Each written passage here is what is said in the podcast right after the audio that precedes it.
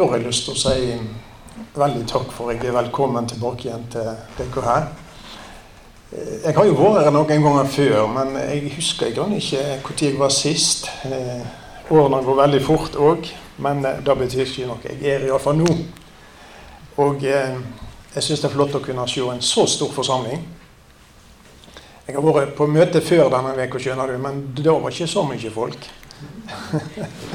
Jeg er vant med å ferdes i små forsamlinger der så jeg reiser til vanlig. Men eh, Herren er den samme, ordet er den samme, og Anden er den samme. Så jeg syns det er frydefullt å få lov å samles med Guds folk. Og så er det enormt spennende. Og jeg får si jeg er litt sånn ekstra spent denne gangen.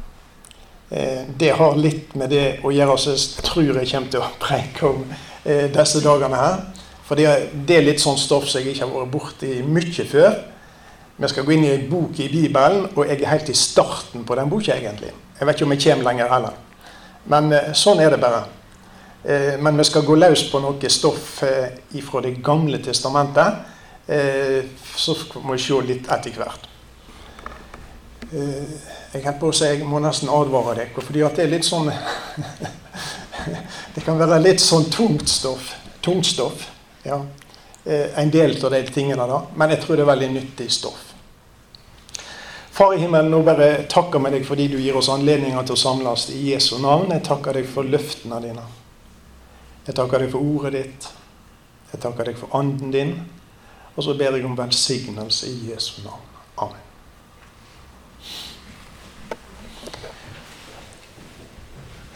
Jeg tror jeg vil begynne med å si at um, jeg kommer til å si litt om endetid òg disse kveldene eller disse dagene.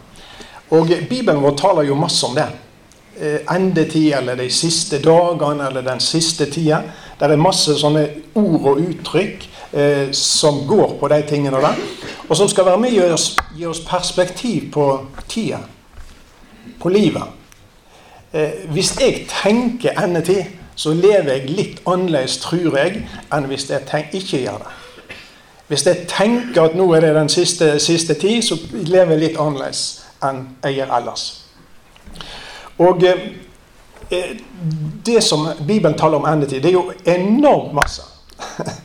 Og eh, det blir jo sannsynligvis bare noe få drypp, men vi skal gå litt inn i noen ting. Eh, Bibelen taler jo om enorme katastrofer sånn som skal skje. Eh, det er ikke det vi venter på. Vi venter på herlighetsriket. Vi venter på Kristus. Eh, når disse tingene begynner å skje, så løft hodene deres. Og da er det utløsning som stunder til. Og det er noe som er utrolig fint å ha i mine tanker i alle fall, at det beste ligger framfor oss. Endetid det kan brukes på utrolig mange måter. Eh, det kan brukes positivt og negativt, selvsagt. Eh, Guds folk kan bruke den rett. Og Guds folk kan bruke den galt. Eh, du kan være veldig nyttig i endetid, og du kan være helt unyttig for Gud. Du kan altså eh, på en måte være et kar til ære for Han. Og du kan være et kar til vanære. Du kan heilaggjøres i endetida.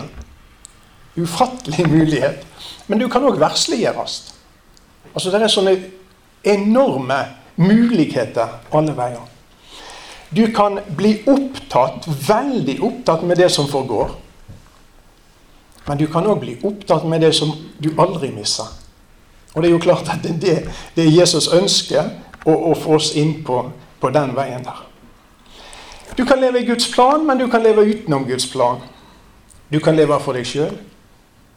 Du kan leve for Herren. Enorme muligheter. Hele veien. Du kan samle deg skatter på jorda. Du kan samle deg skatter i himmelen. Mulig. Alt sammen. Du kan lage deg et kjempeparadis på jord. Eller du kan investere så du får med deg masse folk til det paradiset som er. Endetid kan brukes på veldig mange måter. Liv betyr egentlig muligheter. Og der det er liv, der er det muligheter. Og der det er Guds liv, er det muligheter. Også i den siste tid. Det som vi kan også oppdage når vi leser Bibelen, jeg tror alle gjør det for så vidt, det er jo det at Bibelen gir oss masse informasjon hvordan vi skal bruke endetid rett. Det er masse som Gud har talt til oss, informasjon som jeg kan dra nytte av, slik at denne endetida kan bli ei god tid. Eh, jeg tenker også litt om endetid. det er jo på en måte, Du kan bruke det i ulike, ulike sammenhenger.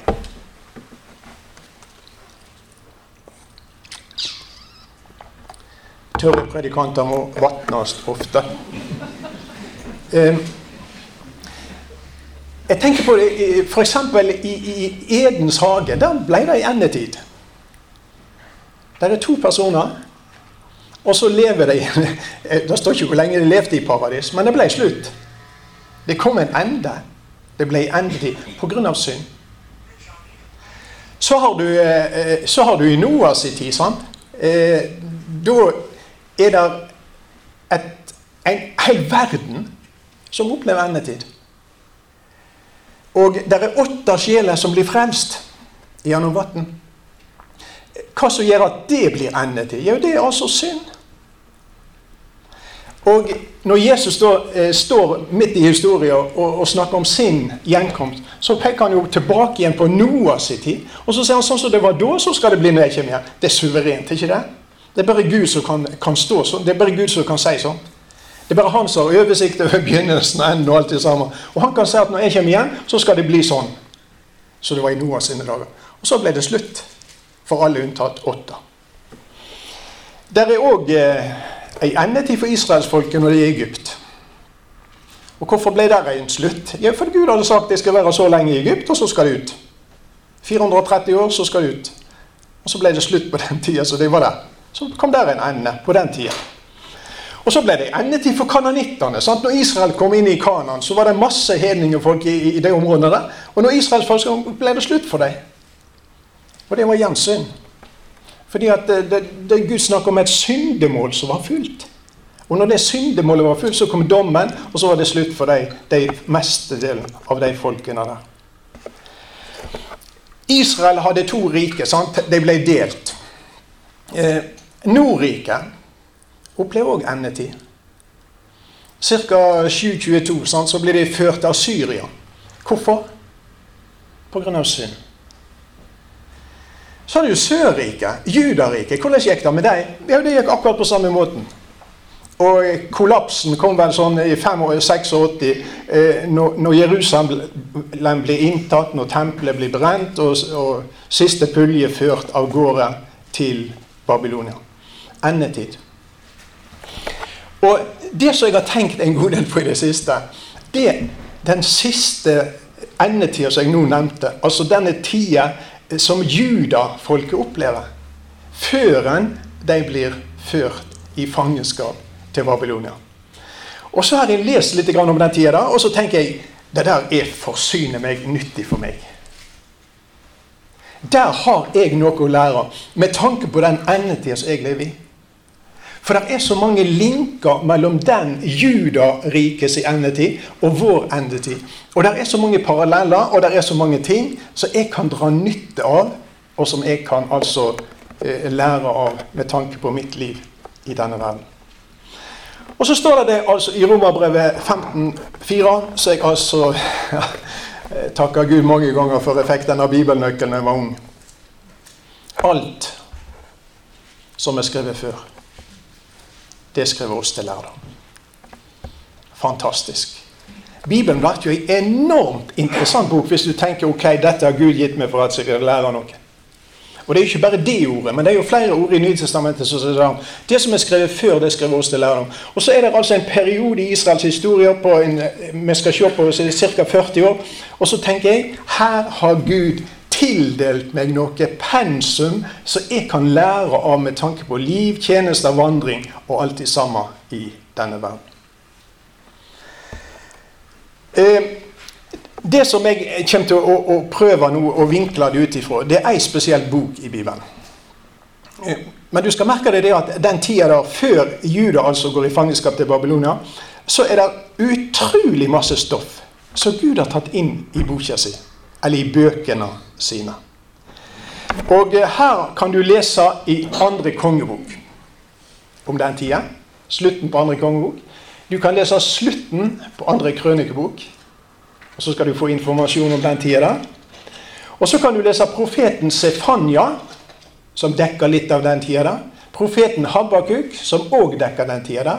Men aller mest kan du lese profeten Jeremia, som altså dekker veldig godt den siste 40-årsperioden før en da eh, Juda blir ført i fangenskap til Babylonia.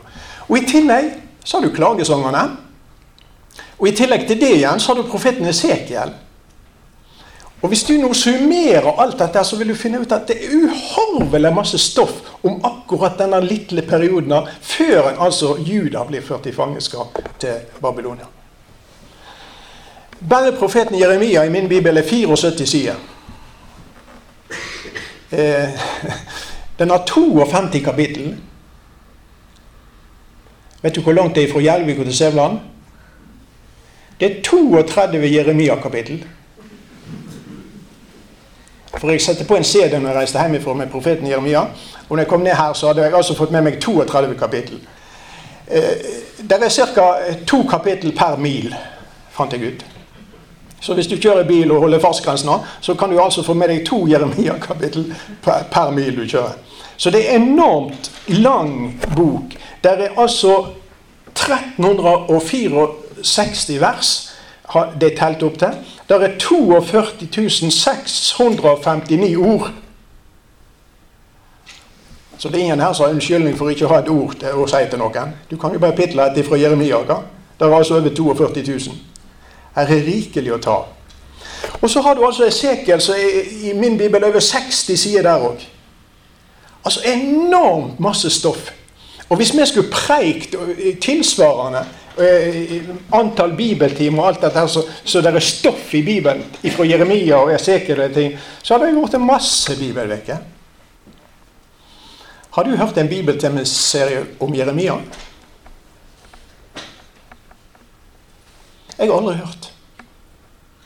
Jeg har aldri hørt noen som prekte om Jeremia. Og jeg har vært på bibelskole både som elev og lærer. Jeg har aldri sett Jeremia på timeplanen. Kjære folk, altså. Og så har jeg vært på bibelopplesning, og så har jeg aldri hørt noen har lest Jeremia. Og da tenker jeg nå altså, nå er du haugamann, nå er det på tide du tar Jeremia her og går løs på han. For altså, dette som jeg sier, dette er jo Gud sine ord. En del av Gud sine ord til oss. Kan vi bare hoppe over det? Nå forstår jeg jo på en måte at, at, at Jeremia er litt sånn uh, borte vekk i oss. fordi at, For det første er den jo så lang, sånn 52 kapittel. Men for det andre så er det ei forferdelig bok. Og hva jeg mener med det? Jo, Gud har i sin nåde gitt oss ei forferdelig bok. For hvis du leser Jeremias, så vet du hva du skal se? Det er jo omtrent elendighet alltid sammen. Det er side opp og side ned og kapittel etter kapittel med synd og dom og forferdelse. Omtrent hele veien. Jeg skjønner godt at det ikke folk snakker om det. Men jeg sier, altså Gud har gitt oss disse tingene. her. Han har jo gitt oss det fordi, fordi at han skal hjelpe oss. Så, så står det at hele Skriften er nyttig. står det. Ja, Jeremia er med i hele Skriften. Ja, Jeremia er med i hele Skriften. Han er en del av hele Skriften. Og Gud sier at Jeremia er nyttig til lærdom. sant? Til overbevisning, til rettledning, til opptukting i rettferdighet. Jeremia har jeg bruk for. Uansett hva vi tenker. Vi får altså et innblikk i Judariket fra ca. 627 til 586, og omtrent alt er negativt. De første 30 kapitlene omtrent der er negativt. Så kommer det tre kapitler ca. Med, med, med, med, sånne herlige løfter og, og sånn. Og så tilbake igjen i elendighet. Og dom og dom og synd og ugudelighet. Eh, hvorfor skal vi bruke tid på en sånn bok? Og mitt svar er veldig enkelt. Fordi Gud har brukt tid på det. Ja, men folk vil ikke ha det. Nei, folk vil ikke ha det. Men er det det som er avgjørende? Er det det som er spørsmålet? Altså, nå, altså Det som har med synd og dom å gjøre, det vil ikke folk ha i dag. Og Nå hører jeg akkurat siste nytt, altså, eller siste innspill i, i, fra den kirkelige sammenhengen. Nå skal de ha det som har med synd ut av ritual og seremonier liksom, i, i, i, gudstjenester og sånne ting. Fordi at folk vil ikke føle seg vel hvis de får høre om synd og dom og sånne ting. Ja, Gud er en forferdelig dårlig pedagog. Gud har ikke peiling, altså kan du tenke av og til når du leser disse bøkene her og ser hva han snakker om. For det er jo dette som går igjen hele veien. Og kirkevekk så sier det at du må ikke snakke om synd, du må ikke snakke om dom. Du må ikke snakke om fortapelse, du må ikke snakke om Guds fred. Da kommer ikke folk, og da føler ikke folk seg vel. Vårt hovedoppdrag er ikke å forkynne så folk føler seg vel. Vårt hovedoppdrag er å forkynne Herrens ord sånn som Herrens ord er. Og du har ikke gjort noe svært hvis du får et menneske til å føle seg vel helt til det går fortapt. Det er tragedie. Og derfor, kjære Gud i himmelen, tenker jeg, hjelp meg å tale slik som ordet ditt taler. Og den som taler Guds ord, han taler som Guds ord. Vi spør ikke folk hva de vil ha, vi spør Gud hva vil du de skal få. Det må være vårt kall. Og det må være vårt mål også i denne tid. Vel eh, Jeremia, ei lærebok. Hva lærer vi av den boka? Og da er det jo selvsagt 52 eh, kapittel. Jeg holder på å si jeg arme menneske, hvor skal vi begynne? Og hvor skal vi slutte? Men jeg skal iallfall begynne med én ting i dag, som er veldig sånn over, i overflata når du leser profeten Jeremia. Og nå tenker jeg lærebok. Eh, profetboka, altså Jeremia, er ei glimrende lærebok. En av de absolutt beste lærebøkene vi har når det gjelder torskerskap. Torskerskap dårskap. For det har slått meg så mange ganger nå når jeg, har, jeg har vandra att og fram her i, i disse bladene og disse kapitlene nå i, i noen uker. Jeg har blitt så liksom tatt av de tingene at jeg av og til mister kontakten med omverdenen. Det er utrolig interessant, samtidig så er det forferdelig tøft, mange av disse tingene. Men når jeg leser om Guds folk her i denne i boka, så, så, undrer jeg meg hvordan kunne de stelle seg? Hvordan kunne de forårsake at tilstand ble slik som den ble? Og Det skal vi se litt på, mer på etter hvert. Men jeg kan allerede nå og her si hvis det, hvis det er snakk om et bunnivå for Guds folk, så finner du det i Jeremia. At de kunne komme så lavt ned som de kom, det er helt, det er helt enormt. Din egen vondskap, kapittel 2,19. Din egen vondskap tukter deg, og frafallet ditt straffer deg. Altså Her får de høste noen konsekvenser, men de er skyld i det sjøl. Din egen vondskap tukter deg, frafallet ditt straffer deg. Og så får de konsekvensene av sine valg. Torskerskap. Vet du hva det motsatte av torskerskap er? Ja, det er visdom. Det er visdom. Eh, og visdom har med å søke Gud å gjøre. Visdom i Bibelen har med å lytte til Gud. Å høre hva Gud sier, og bøye seg for det Gud sier, og følge det Gud sier. Det er visdom. Og Nå skal vi gå til Jeremia 8. Jeremia 8. Og jeg leser ifra vers 9. Hvordan kan det si vi er vise? For det sa de. Det var et stolt folk. Hvordan kan det si vi er vise? Og Herrens lov har vi i oss. Og den var god. Sannelig, sjå til løgn har løgnpenn åt de skriftlærde gjort henne. Og Det kommer kanskje tilbake igjen til senere. Men ser du den situasjonen? Altså De hadde denne Herrens lov som var god, som var rett, som var sannhet. Og så, øver, så går de skriftlærde løs på. Og så forandrer de litt, og så serverer de altså Loven hadde de fått ifra Herren, og nå serverer de den til folket, og da er det blitt løgn. Herrens lov. Løgnpenn. Løgn. Det var mulig. Og så står det videre. De vise til skammer, de blir redde, og ulukka råker de. Sjå, Herrens ord har de vraka. Hva skulle de da ha visdom ifra? Og merk deg det siste spørsmålet. Herrens ord har de vraka. Hva skal de da ha visdom ifra? Altså, det er umulig at du kan være klok og samtidig vrake Guds ord. Vraker du Guds ord, så kan du være professor i teologi. Du er en tosk. Det er umulig å være vis i Guds øye og samtidig forkaste Hans ord. For forkaster du ordet hans, forkaster du Han. Tar du imot ordet hans og bøyer deg for Han, så er du vis. Men det er akkurat det motsatte dette folket har gjort. De har altså forkasta Guds ord, og så sier de vi er vise. Du finner det i 2016 òg.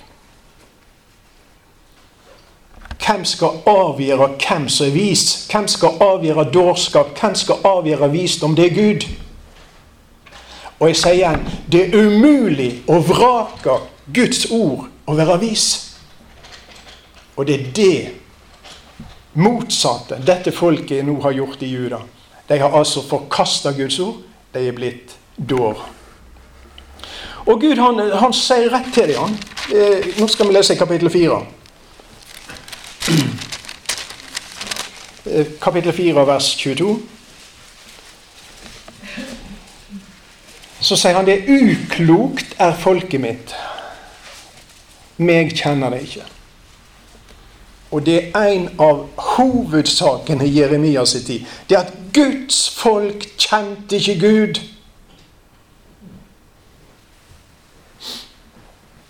Og ikke bare det. Guds folk skjønte ikke hva synd var. Og når du har de to momentene, så har du et folk som er på vei imot Guds dom. Og det er det som er typisk i denne tida her. Meg kjenner de ikke, de er hvituge barn, og hvitløse er. De er kloke til å gjøre vondt, men å gjøre det gode skjønner de ikke. Så går vi til 5-4. Og så sier han da sa jeg de er bare småkorsfolk. De er uvitige, for de kjenner ikke Herrens veg, sin Guds rett. Og Så kan vi gå til 521. Og så kan du fortsette utover boka og finne mange tilsvarende vitnesbyrd. Hør dette, du uvituge og uforstandige folk, som har øyne, men ikke ser, som har ører, men ikke hører. Det ser ikke det Gud vil det skal se, det hører ikke det Gud vil det skal høre. Det er uvituge, det er ukloke. Det er dårer. Og Gud sier det til deg. Er ikke det, er ikke det tøft? Var knalltøft. Hvorfor er du sånn, Gud? Fordi at han vil jo berge dette folket. Og skal Gud berge dette folket, så må de skjønne hva situasjonen det er. Og så taler Gud til dem. Og hovedanklagen nå, det er jo dette at de vil ikke høre Gud, de vil ikke ly av Gud, de vil ikke la seg advare av Gud. Men det er Guds folk i munnen, men ikke med livene sine. Skal vi gå til kapittel 7? Og nå leser jeg ifra vers 23. Men dette var det bodet jeg gav deg. Høyr røysta mi, så vil jeg være dykkar Gud. Og det skal være mitt folk, det skal ferdes på alle de veiene jeg gjev dykk påbud om. Så skal det gå dykk ved. Så her er, her er muligheter. Her er enorme muligheter. sant? Men de hørte ikke og vende ikke øyra til meg. De fylgte sine egne tanker, sitt vonde har i. De vendte ryggen til meg og ikke annerledes. Like fra den dagen fedrene deres drog ut av Egypt, helt til denne dagen sender jeg tjenerne mine, profetene, dag etter dag, tidlig og seint. Og du skal merke deg det uttrykket da. Tidlig og seint, tidlig og seint. Jeg tror det var elleve ganger jeg fant det. Tidlig og seint har jeg sendt deg til deg, og tidlig og seint har jeg prøvd å tale til deg. Og tidlig og seint. Og så tror jeg det står en gang seint og tidlig. Men det er det samme. Altså, det er en Gud som står på. Og han veit at de vil ikke høre, men han fortsetter å tale. Og han sender Jeremia og sier du skal tale til dem, men de skal ikke høre på deg. Du skal rope til dem, men de skal ikke høre på deg. Men du skal fortsette. Vi skal se litt på den Gud som har så vanskelig for å gi opp. Og hva middel er han bruker til siste slutt? Til Nebukadnesar står der og skal ta siste restene og knuse Jerusalem. Hva middelet er Gud bruker? Det ordet, det ordet, det ordet. Gjennom sine tjenere, gjennom Jeremia. Helt til siste slutt taler han Guds ord til deg.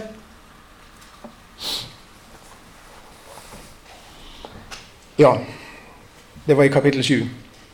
Eh, så står det videre, men de hørte ikke på meg, vers 26. Vend ikke øyra til meg, de gjorde nakken hard, de bar seg verre åt enn fedrene deres. Og du skal tale alle disse ordene til dem, men de skal ikke høre på deg. Eh, du skal rope til dem, men de skal ikke svare deg. Du skal si til dem, dette er det folket Nå kommer, en, nå kommer altså en beskrivelse av Gud. Dette er det folket som ikke har hørt. På røsta til Herren sin Gud, og ikke tek imot tukt. Ærligdommen er gått til grunne og er rydd ut av munnen deres. Dette er det folket som ikke har hørt på røsta til Herren. Vet du hva dette er? Dette er toskaskap. Dette er dårskap. Og dette karakteriserer folket nå. Et folk som ikke vil høre. Når Gud taler, gjør de sånn. Og så går de sine egne veier. Og så vil det ikke innrette seg. Eh, Daniel eh, han eh, ble jo bortført til, Babylonia i, så langt vi skjønner, i gruppe 1. Det er vel kanskje fire bortføringer, men han ble tatt i første pulje. Og han ble jo lenge i, i Babylonia. På slutten av sitt liv så, så er det i kapittel 9 referert ei bønn som han ber. Og Da ser han liksom tilbake igjen, og så ser han dette her i, perspektiv som har skjedd. Og Nå skal vi nett ta et par vers fra den bønnen òg, i Daniel 9. I det sjette verset eh, så sier han, eller jeg tar med vers 5, og nå ber han. Men samtidig som Daniel ber, så, så preiker han ei preik til oss. Og I kapittel 9 vers 5 Vi har synda. Og han sier vi. Han gir seg til ett med dette folket. Denne gudfryktige Daniel. For en mann. Og Pga. hans gudsfrykt så ble en hel verden kjent med Gud. Det er muligheter enorme muligheter. Vi har synder vår oss illåt, våre gudløse og trassige. Vi har vika av fra boa dine og lovene dine. Vi hørte ikke på tjenerne dine, profetene som taler i ditt navn til kongene våre, hovdingene og fedrene våre, og til alt folk i landet. Vi hørte ikke. Vers 10. Og vi hørte ikke på røsta åt Herren vår Gud og fulgte ikke lovene hans, som han setter fram for oss gjennom tjenerne sine, profetene. Vers 11. Heile Israel braut lova di og veik bort ifra deg og høyrte ikke på røysta di. Derfor vart den forbanning han hadde svoret å sende, rent ut over oss, den som står skrevet i lova at Moses, Guds tjener, for vi hadde synda imot han. Vi hørte ikke. Altså, han, han, forklarer ikke bare en tragedie har skjedd, men han sier hvorfor. Det er ingen som skal være i tvil om hvorfor det skjedde. Og vi tar vers 14 òg. Derfor hadde Herren stadig ulykker for øyet og let henne komme over oss. For Herren vår Gud er rettferdig i alt det han gjør, men vi hørte ikke på røsta hans. Dette karakteriserer et folk i dårskap hører ikke på Guds røst. Og så sendte altså Gud disse profetene tidlig og seint til dem, men de ville ikke høre. La oss gå til kapittel 25 eh, i Jeremia.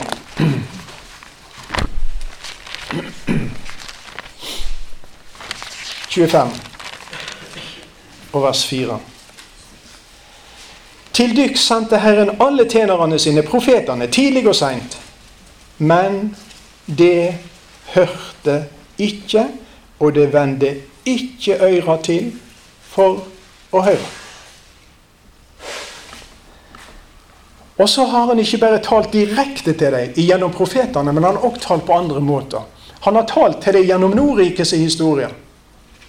Ja, hadde de lært De burde jo ha vært sjokk. sant? For eh, vel 100 år tidligere så hadde det skjedd med Nordriket, den katastrofen som de aldri trodde kunne skje. De ble ført av gårde til Asyria. Hørte de? Skjønte de? Lot de seg advare? Nei. De brydde seg ikke. Og de gjorde samme tingene. De tok opp samme syndene, samme avgudene som Nordriket hadde praktisert, som førte til at de ble ført i fangenskap. Da praktiserte Juda det. De lærte ingenting av historien. Og så sender Gud jeg er på å si klimakrise innover dette folket og landet. Han, han sender tørke. Det blir forferdelige forhold og, og, det var altså ikke pga. Eh, dieselbiler og, og, oljefyring. Det var enormt vanskelige forhold. Og, så er det på en måte at Gud skal vekke dem med den sida og med de tingene. Like harde. Let seg ikke vekke. Dette folket her, de let seg ikke advare og hørte ikke.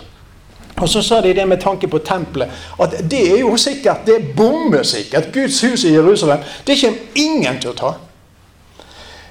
Eh, se Jeremia 7. Jeremia 7. Og eh, vi leser eh, ifra vers 12.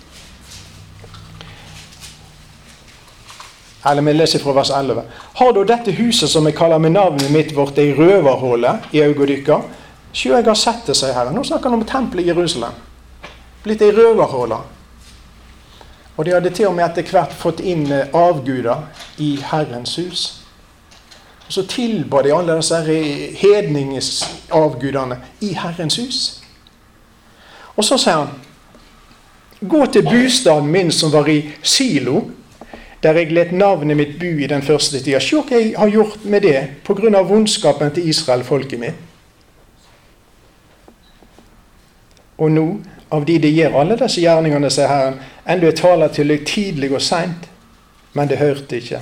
Og jeg kaller på deg, men det svarte ikke. Og Så er det ett moment til altså, som prøver å vekke deg med. Gå til Silo. Ta deg en tur til Silo. Ja, hva var der? Ja, der hadde Herren hatt sitt hus. Og der er det pakkkister stå. Og da var jo det bommesikkert sant, at det der, dette passet Gud på. Og så kommer filisterne, og så tar de pakkkister. Og så hvis du hadde reist til Silo på den tida, så hadde det vært ingenting. Alt var ødelagt. Så sier han til disse trygge, sjøltilfredse jødene eh, som liksom tenker ja, vi er Herrens folk, og, og, og vi, har, vi, har, loven, og vi har tempelet, og vi har omskjærelsen og alt det. Gå til Silo og ta en kikk.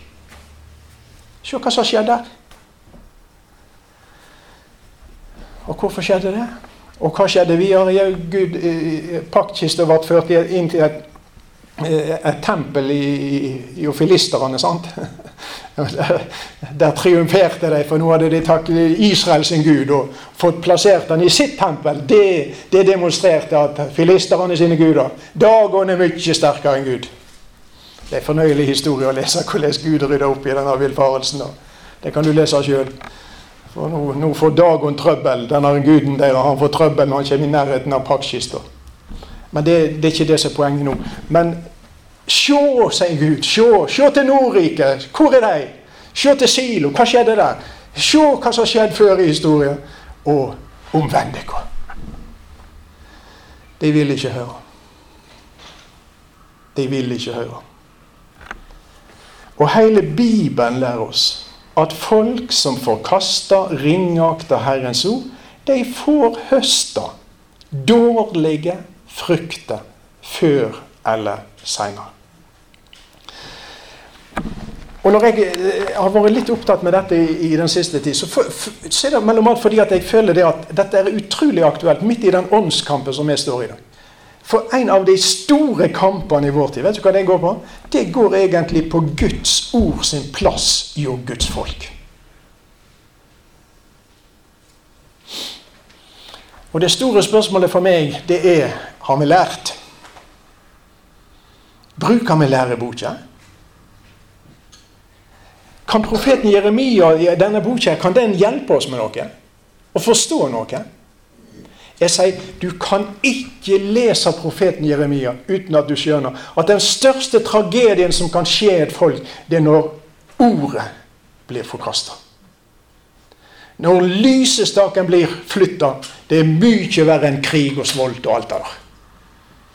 Når mørket senker seg innover et land, det åndelige mørket, og djevelskapen bryter inn, det skjer der Guds ord blir fornekta, forkasta eller fortrengt. Og Det ligger litt på hjertet mitt å si til Guds folk i dag at som aldri før så bør vi samle oss. Og vi må samle oss om Skriftene, vi må samle oss om disse guddommelige, enorme tingene som Gud har gitt oss, som kan virke mer enn noe annet. For jeg kan ikke lese Bibelen uten at jeg tenker, kommer til den slutningen altså, at det som kan berge folket, vårt, er Guds ord og Guds ånd. Og det som jeg registrerer, det er at veldig mange også innenfor den bekjennende kristenhet har mista trua på Guds ord. Det er nesten det siste vi tyr til. Åndens sverd henger på veggen, og så durer vi på med kjøtskraft og tror vi skal beseire de åndelige fiendene. Det blir nederlag.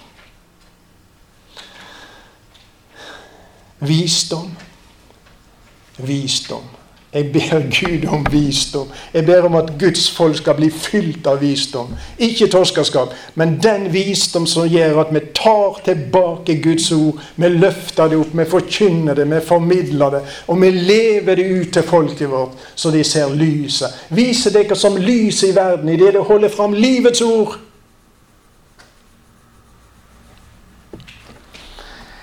Vi må gå til Matteus 7. Vi må ha et, eh, et Jesus-ord her om visdom òg.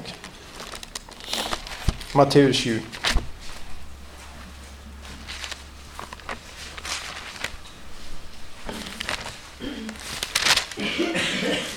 Matteus 7. Jeg leser ei kjent beretning fra vers 24.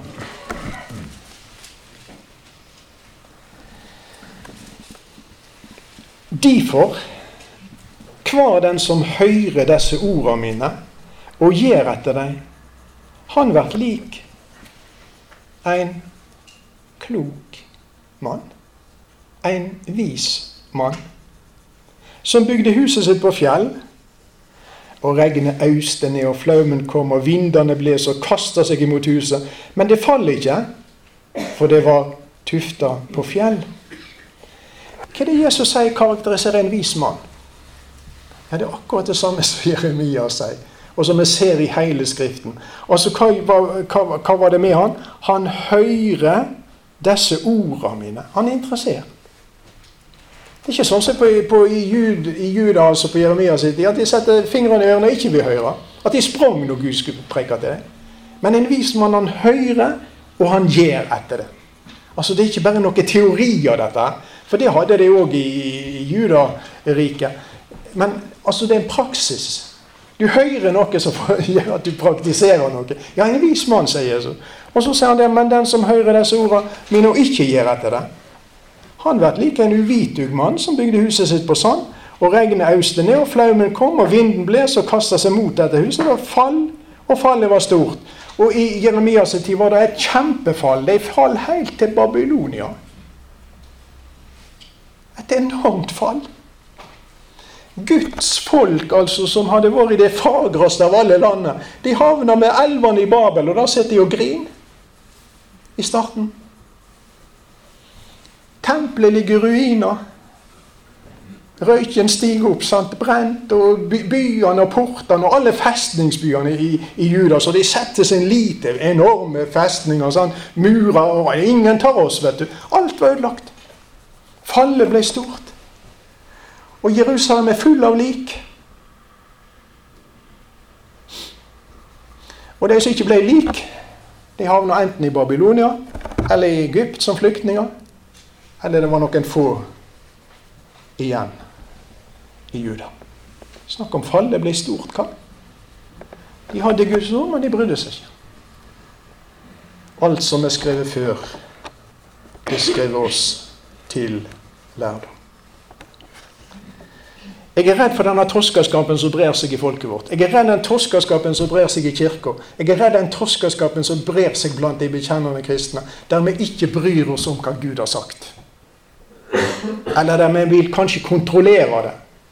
Og kanskje også omskrive det litt, så det passer bedre til folket. Ja.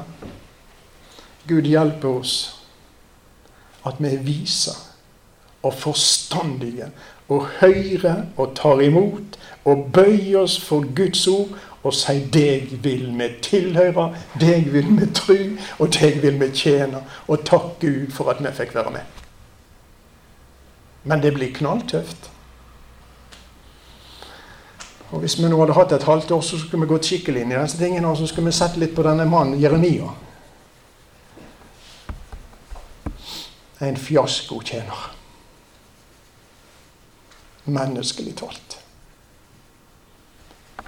En gigant i Guds rike.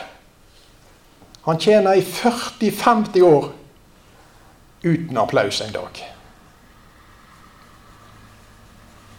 Alle er imot han. Ta livet hans.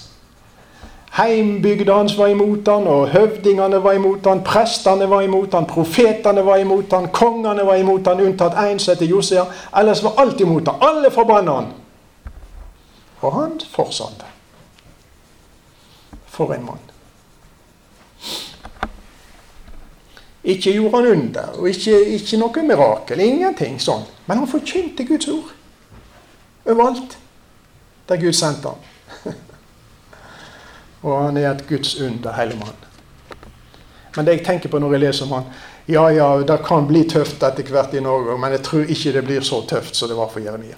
Og allikevel holdt han ut. Allikevel sto han på til siste slutt. Og han havner i Egypt, eh, sier de, og tradisjonen forteller at han ble martyr der. Han forbanna dagen han var født.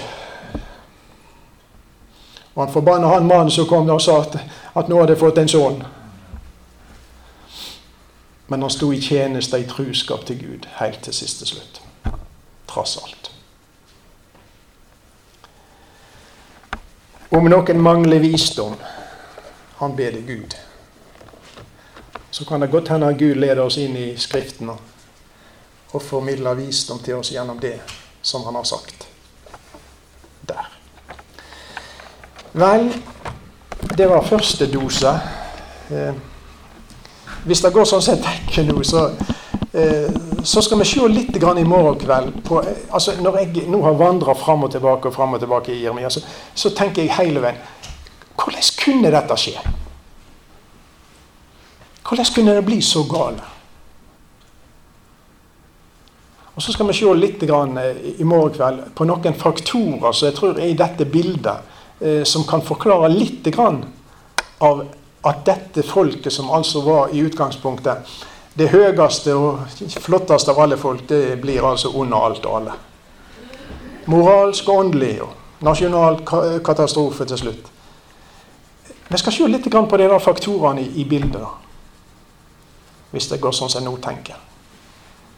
Og hvis det holder ut til søndag, og ikke sender meg hjem igjen før, så kan det jo hende at vi skal se litt lyspunkt i Jeremia på det siste møtet.